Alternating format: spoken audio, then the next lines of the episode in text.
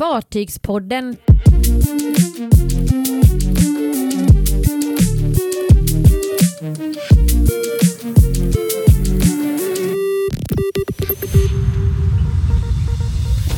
Surr om Icon of the Seas. Det här vet vi. Evrima levererad efter två års försening. Och Amorella överlämnad till sina nya ägare.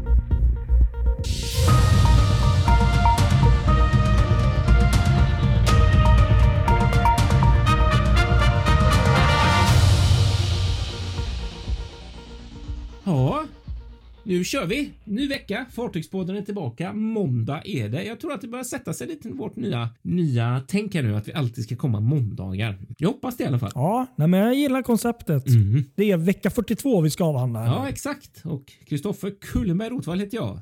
Göteborgsdelen av podden. Och jag heter Patrik Leinell.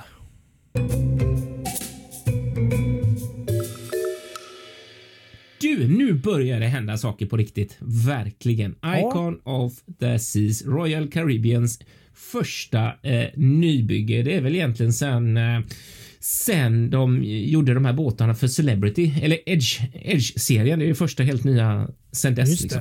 Ja. Eh, och ingen, man vet ju ingenting. Officiellt så vet man ingenting om dessa fartygen. Nej, men precis. Och de har ju verkligen byggt upp det här otroligt bra, eh, nästan på Apple-manér. Eh, Eh, trots att eh, fartyget har kommit så långt. Det finns ju rätt mycket bilder över hur, hur det ser ut från varvet i Åbo, men egentligen så vet vi ingenting för att Royal Caribbean har inte sagt mycket.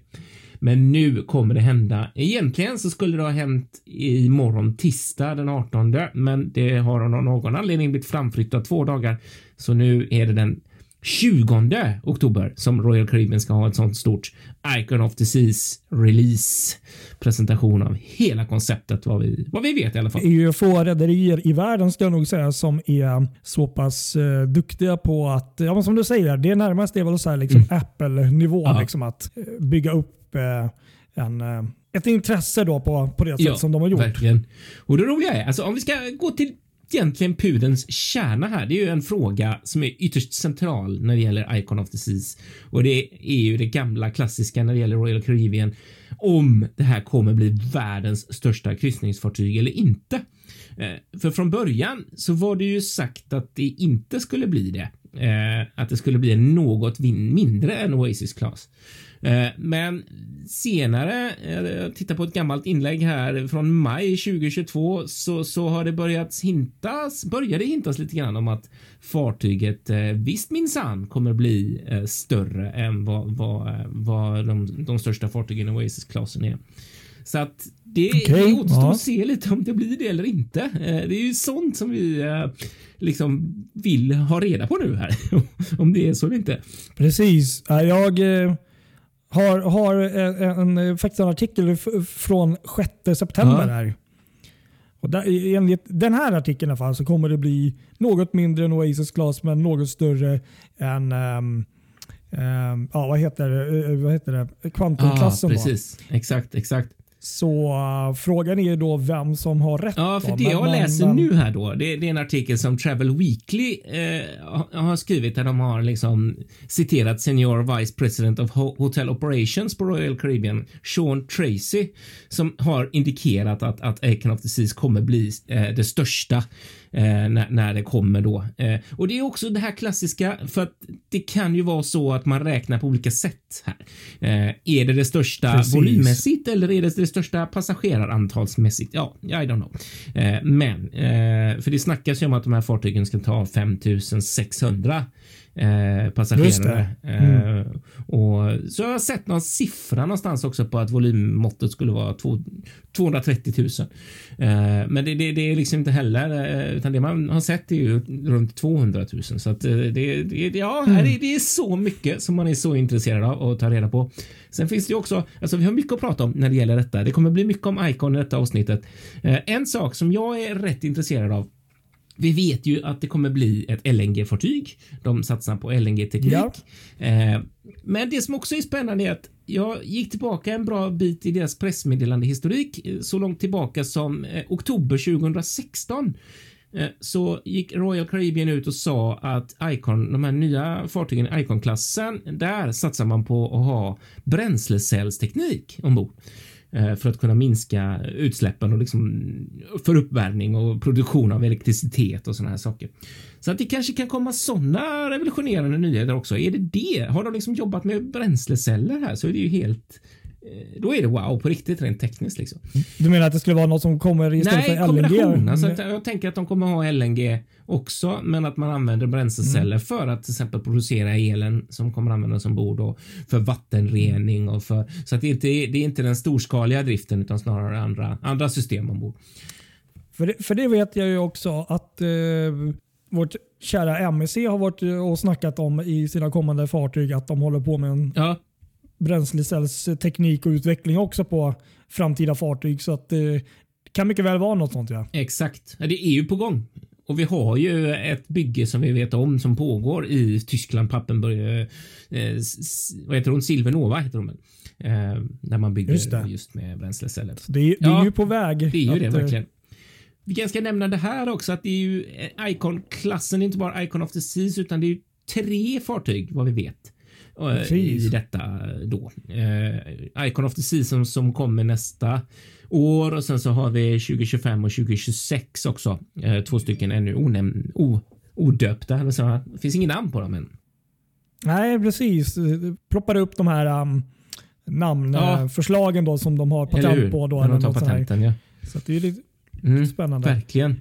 De, eh, de släppte ju här i, i um, idag, eller ny, nyligen, en, en, en, eh, liten preview-video inför ja. den här stora... En 30 sekunder lång video.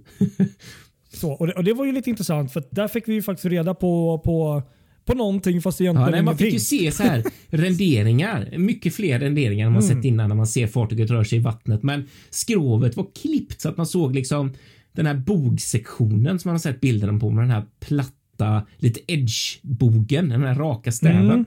Mm. Eh, och så såg man ett avsnitt med, med där man såg eh, skrovsidan där det stod Icon och så en livbåt. Precis. Och så såg man akten, vilket egentligen kanske var den mest Jaja. intressanta av de där bildklippen som man fick se. Precis. Eh, där ser man ju att det går en löparbana eh, längst ner eh, runt skrovet. Det gillar ja, vi. Precis. Jag tror väl något liknande på de här, åtminstone de nyaste eh, Oasis Class-fartygen ja. tror jag Tror ja, något liknande. precis. Exakt. Eh, men det som också är riktigt intressant är att man, man ser en liten glimt av det som ser ut att vara ett poolområde längst ut i akten. Ja, och det, det är väl det som är det nya. För precis innan inspelningen här så skickade jag en bild där från, från varvet från tidigare där vi har sett en bild där det ser ut som ett, ett ja. runt hål med antingen sittplatser eller så är det liksom trappsteg Men det, det, det är ungefär som en, tänk dig som eh, Um, ja, de här gamla romerska teatrarna ungefär, hur de var ja, utformade. Exakt. Och nu såg, nu såg vi en rendering att på det stället där vi har sett det här tidigare så verkar det vara utifrån den lilla bilden man får se. Uh, det ser ut som ett lekland, ja. bad, ja, vattenland. Exakt. Och det, här är, det här är ju riktigt intressant. Här spekulerar vi hejvilt. Men om man tittar på den här mm. bilden då, det är en drönarbild från varvet som är tagen för inte allt för länge sedan. Eh, då ser man ju verkligen, det ser ut som att bygget, liksom överbygget, som också ser ut att vara den här Oasis-typen, alltså du vet en promenad i mitten. Just det, eh, ja. Men den ser ut att sluta liksom ganska precis eh, före den här runda cirkeln. Eh, längst ut i akten och det som du också var inne på här när vi pratade innan eh, är ju att man har sett en väldigt mystisk bild på en svart enormt stor eh, metallkula som nästan ser ut som en mina Eh, med väldigt oklart användningsområde. Eh, frågan är om den ska vara där. Tittar man på formen på, på den här cirkeln och eh, hur den här kulan eller liksom bollen eller vad nu är så skulle det kunna vara där. Och Sen har man ju sett om det var något klipp stillbild där man zoomade in eller zoomade ut lite så såg ju det lite likadant ut inuti det lilla ja. man fick se. Att det var som trappsteg eller om det är de här olika trappnivåerna ja. inuti Precis. den där. Så snacket som har gått har ju varit bland annat är det här en ny typ av planetarium. Mm. Typ sånt som finns på Queen Mary ja. bland annat. Eller något liknande. Men um, då är min fråga så att, för vi ser ju inte det här på bilden som kom idag i videon. vi ser ju bara att det är någon typ av vattenland Mm. där bak i akten. Men frågan är, ska det vara någon kula här då så att man kan... Ja, vad gör den för funktion då? Exakt. Liksom? Och kan man, kommer man kunna sitta under bassängen och titta uppåt och se liksom alla som badar där? Eller, ja, det är jättemånga, Ja, det är jättemånga frågor. frågor. och det är ju så spännande också för att det, det är ju den ytan längst ut i akten som verkligen går att göra roliga saker med. För du har ju när du ska bygga ett stort fartyg så har du ju en stor sektion med rätt många däck där det kommer kräva där, det- där folk vill ha balkonghytter Eh, och de måste ju ligga ut med fartygets sidor. Det blir ju den här lådkonstruktionen hur man än gör Eh, och så då är det ju fören och akten kvar där man liksom kan använda och göra olika grejer och det man också såg i den här videon och vad som man har misstänkt är ju i fören precis ovanför bryggan så kommer de så verkar det som att de håller på att bygga någon form av typ som Wonder of the Seas har, alltså någon stor solarium med jättestort glastak liksom. Och det har Just man ju det. sett. Fast det här är ju också en ganska intressant grej. Och jag vet inte om du tänkte Vadå? på det. Att eh, det ser ut även där, ovanför kommandobryggan, att det är som ett ganska stort cirkelformat rum precis Ja, ovanför där. precis. Det, det är ju liksom fler, det är svårt att förklara när man inte Ja. har bilden framför sig. Men det- är liksom som om det är ganska högt i tak där. Så är det som fönster där inne. Som, jag tänker så här, om det ska vara någon form av showställe och de här fönstren är någon typ av kontrollrum. Ja, jag fattar jag precis. Det ser ut som att det är Det, är, nästan det blev lite Man kan docka hmm, ska- någonting Är nästan det där. Ja, det bollen kommer ut. hamna? Kanske det. Mm. Ja. Ja, det är så spännande och det är, det är faktiskt rätt intressant. Nu gör vi ju, nu sitter vi här i podden och gör precis det som Royal Caribbean vill att vi ska göra. Pratar om deras kommande jättefartyg och jag är, måste säga att jag är extremt imponerad över att så få människor vet så lite om detta med tanke på att på varvet i Åbo så är det 3000 människor dagligen som arbetar med att bygga det och ändå så vet vi så lite om vad som faktiskt hur det här kommer se ut.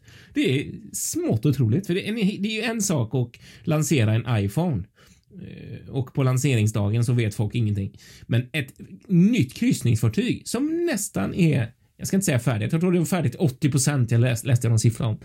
80 procent färdigt och väldigt få människor utanför den här bubblan vet hur Icon of the Seas kommer att se ut.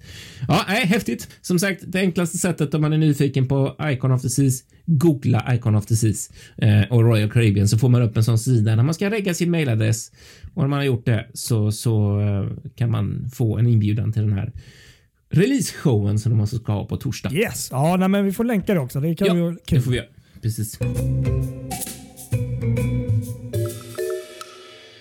Men nu rullar vi vidare här då. Vi har ju fler grejer att snacka om innan vi måste vidare i livet. Ja, och det är ju rederiet The Ritz-Carlton Yacht Collection som faktiskt eh, nu i helgen hade premiär med sitt nya fartyg Ja, Evrima. äntligen. Och det är så kul att du skrev att hon är två år försenad där. Eller att vi skrev det. För att I en annan artikel läste jag att hon var tre Oj. år försenad. Så det där verkar vara lite, lite beroende på Ja. vad man läser. Men två till tre år försenad är fartyget i alla fall. Och det här är då ett, en riktigt, jag måste säga en supersnygg lyxjatt på 190 meter. Och, eh, som har då 10 däck och eh, plats för 214 till 298 passagerare i ja, vad som verkar vara eh, svitliknande Ja, hytter. ja. Eh, och, nej, den ser superfin ut och eh, lyxig. Och ehm, ja, som sagt, eh, nu äntligen så är fartyget igång och eh, har börjat åka och kommer ganska snart bege sig över Atlanten till eh, Karibien, till de öarna. De gjorde väl sin jungfruresa här från Barcelona tror jag det var. Precis, i, eh, lördags, från Span Precis, lördagen från Spanien till Frankrike med bland annat två dagars eh, stopp i både Palma de Ma- Mallorca och Saint Ja. Så att, eh, och sen i början av november beger hon sig över till Karibien för att sen eh, bland annat också även besöka lite mm, ställen i, i vad heter det? Eh, ja, Sydamerika också och eh, Bahamas. Ja, precis. Men det här är rätt intressant, måste jag fylla på och säga, för att det här är ju i och med den här förseningen som alltså uppstod före pandemin, så det går inte att skylla på pandemin i det här. Eh, Även om som, som det klart såklart har jag gjort vissa, vissa saker som för alla andra under pandemin, men det var som sagt redan försenat från början här. Eh, men och det här varvet i Vigo som vi känner igen från andra byggen som också Spanien. blivit försenade eh, från vissa rödvita rederier. eh, de, det. lyckades inte leverera fartyget i tid och det skulle ju blivit två tror jag, systerfartyg till, till eh, Evrima. Men eh, nu har man då valt att från rederiets sida, man vill inte samarbeta med dem, vilket man kan ju förstå. att inte, Nej. det funkar inte så bra. Så att eh, det blir liksom inga fler, utan det här blir en one shot helt enkelt. Men däremot så håller de ju på och eh, arbetar med, med eh, Chantier de Atlantic i Saint Nazaire i Frankrike. Precis, Där man håller på och bygger två stycken eh, andra eh, sådana här på samma, samma manér liksom. Som kommer komma 24 och 25 då. Och Det är ju då fartygen Ilma och Luminara som blir klara 2024 Mm, och 25. Exakt. Så det blir ju två systerfartyg till fast på helt Ja, annat exakt, varv. då. exakt. LNG. LNG båtar. Ja. Nej, de är ju supersnygga måste jag säga. Helt Ja, fantastiska. verkligen. Helt klart. Du hade något om eh, våran gamla trotjänare Ja, Amorella. precis. Nu får vi ju faktiskt. Jag ska inte säga att man är trött på Amorella, men, men nu är det ju faktiskt dags att stänga Nej. Amorella-boken för nu har vi pratat väldigt mycket om Amorella och det såg Viking Line till att leverera en sådan nyhet här i veckan eh, att i eh, Ska vi se vilken dag var det då? 14 oktober var det. Eh, så, eller rätt sagt i 13 oktober så eh, levererades levererade Viking Line över Amorella till Corsica Ferries. Eh, så att nu har Viking Line inte längre kvar Amorella i flottan.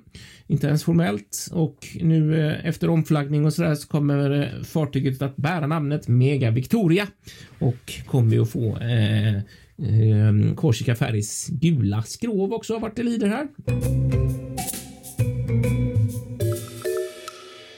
Och du hade något spännande här också om Holland America Lines va? Ja, detta fantastiska rederi Holland America Line firar 150 Mm. år nu.